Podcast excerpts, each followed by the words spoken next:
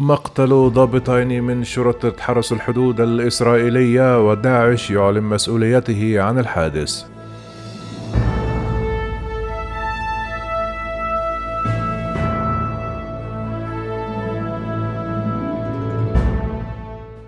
أعلنت الشرطة الإسرائيلية مقتل ضابطين من شرطة حرس الحدود في هجوم الخضيرة وإصابة ثلاثة آخرين وذلك بحسب موقع تايمز اوف إسرائيل.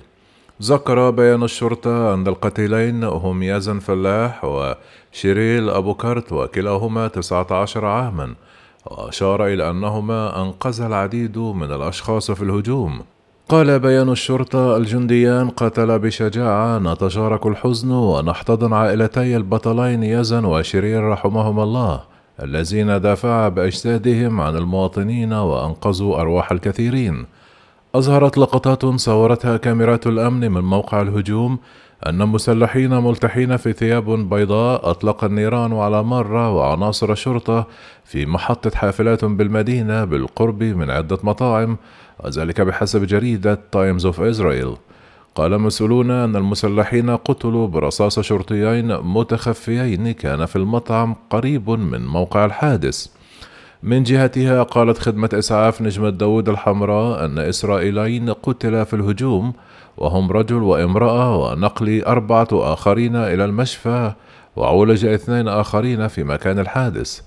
قال وزير الأمن الداخلي عمر برليف أن منفذ الهجوم الدامي في مدينة الخضيرة من مؤيدي داعش وأضاف هذا هجوم خطير للغاية. الحديث يدور عن إرهابيين تابعين للدولة الإسلامية. أعلن تنظيم داعش مسؤوليته عن الحادث وقال في بيان نشرته وكالة أعماق الدعائية التابعة له قتل عنصران من الشرطة اليهودية على الأقل وأصيب آخرون بجروح بهجوم انغماسي مزدوج. كما أشار التنظيم إلى أن اثنين من مقاتليه نجح الأحد في الوصول إلى شارع هربرت سامويل بمدينة الخضيرة شمال فلسطين.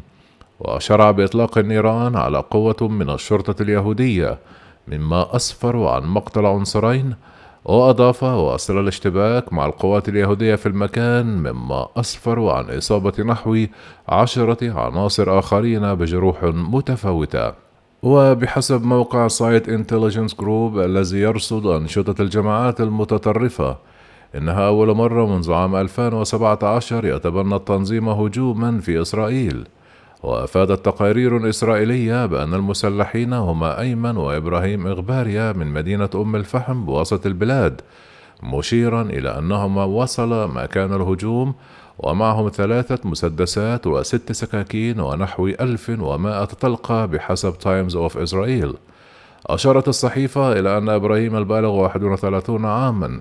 كانت الشرطة التركية اعتقلته أثناء محاولته عبور الحدود إلى سوريا للانضمام لتنظيم داعش. كما اعتقلته الشرطة الإسرائيلية لاحقا وقضى سنة ونصف في السجن بتهمة الانتماء لتنظيم مسلح.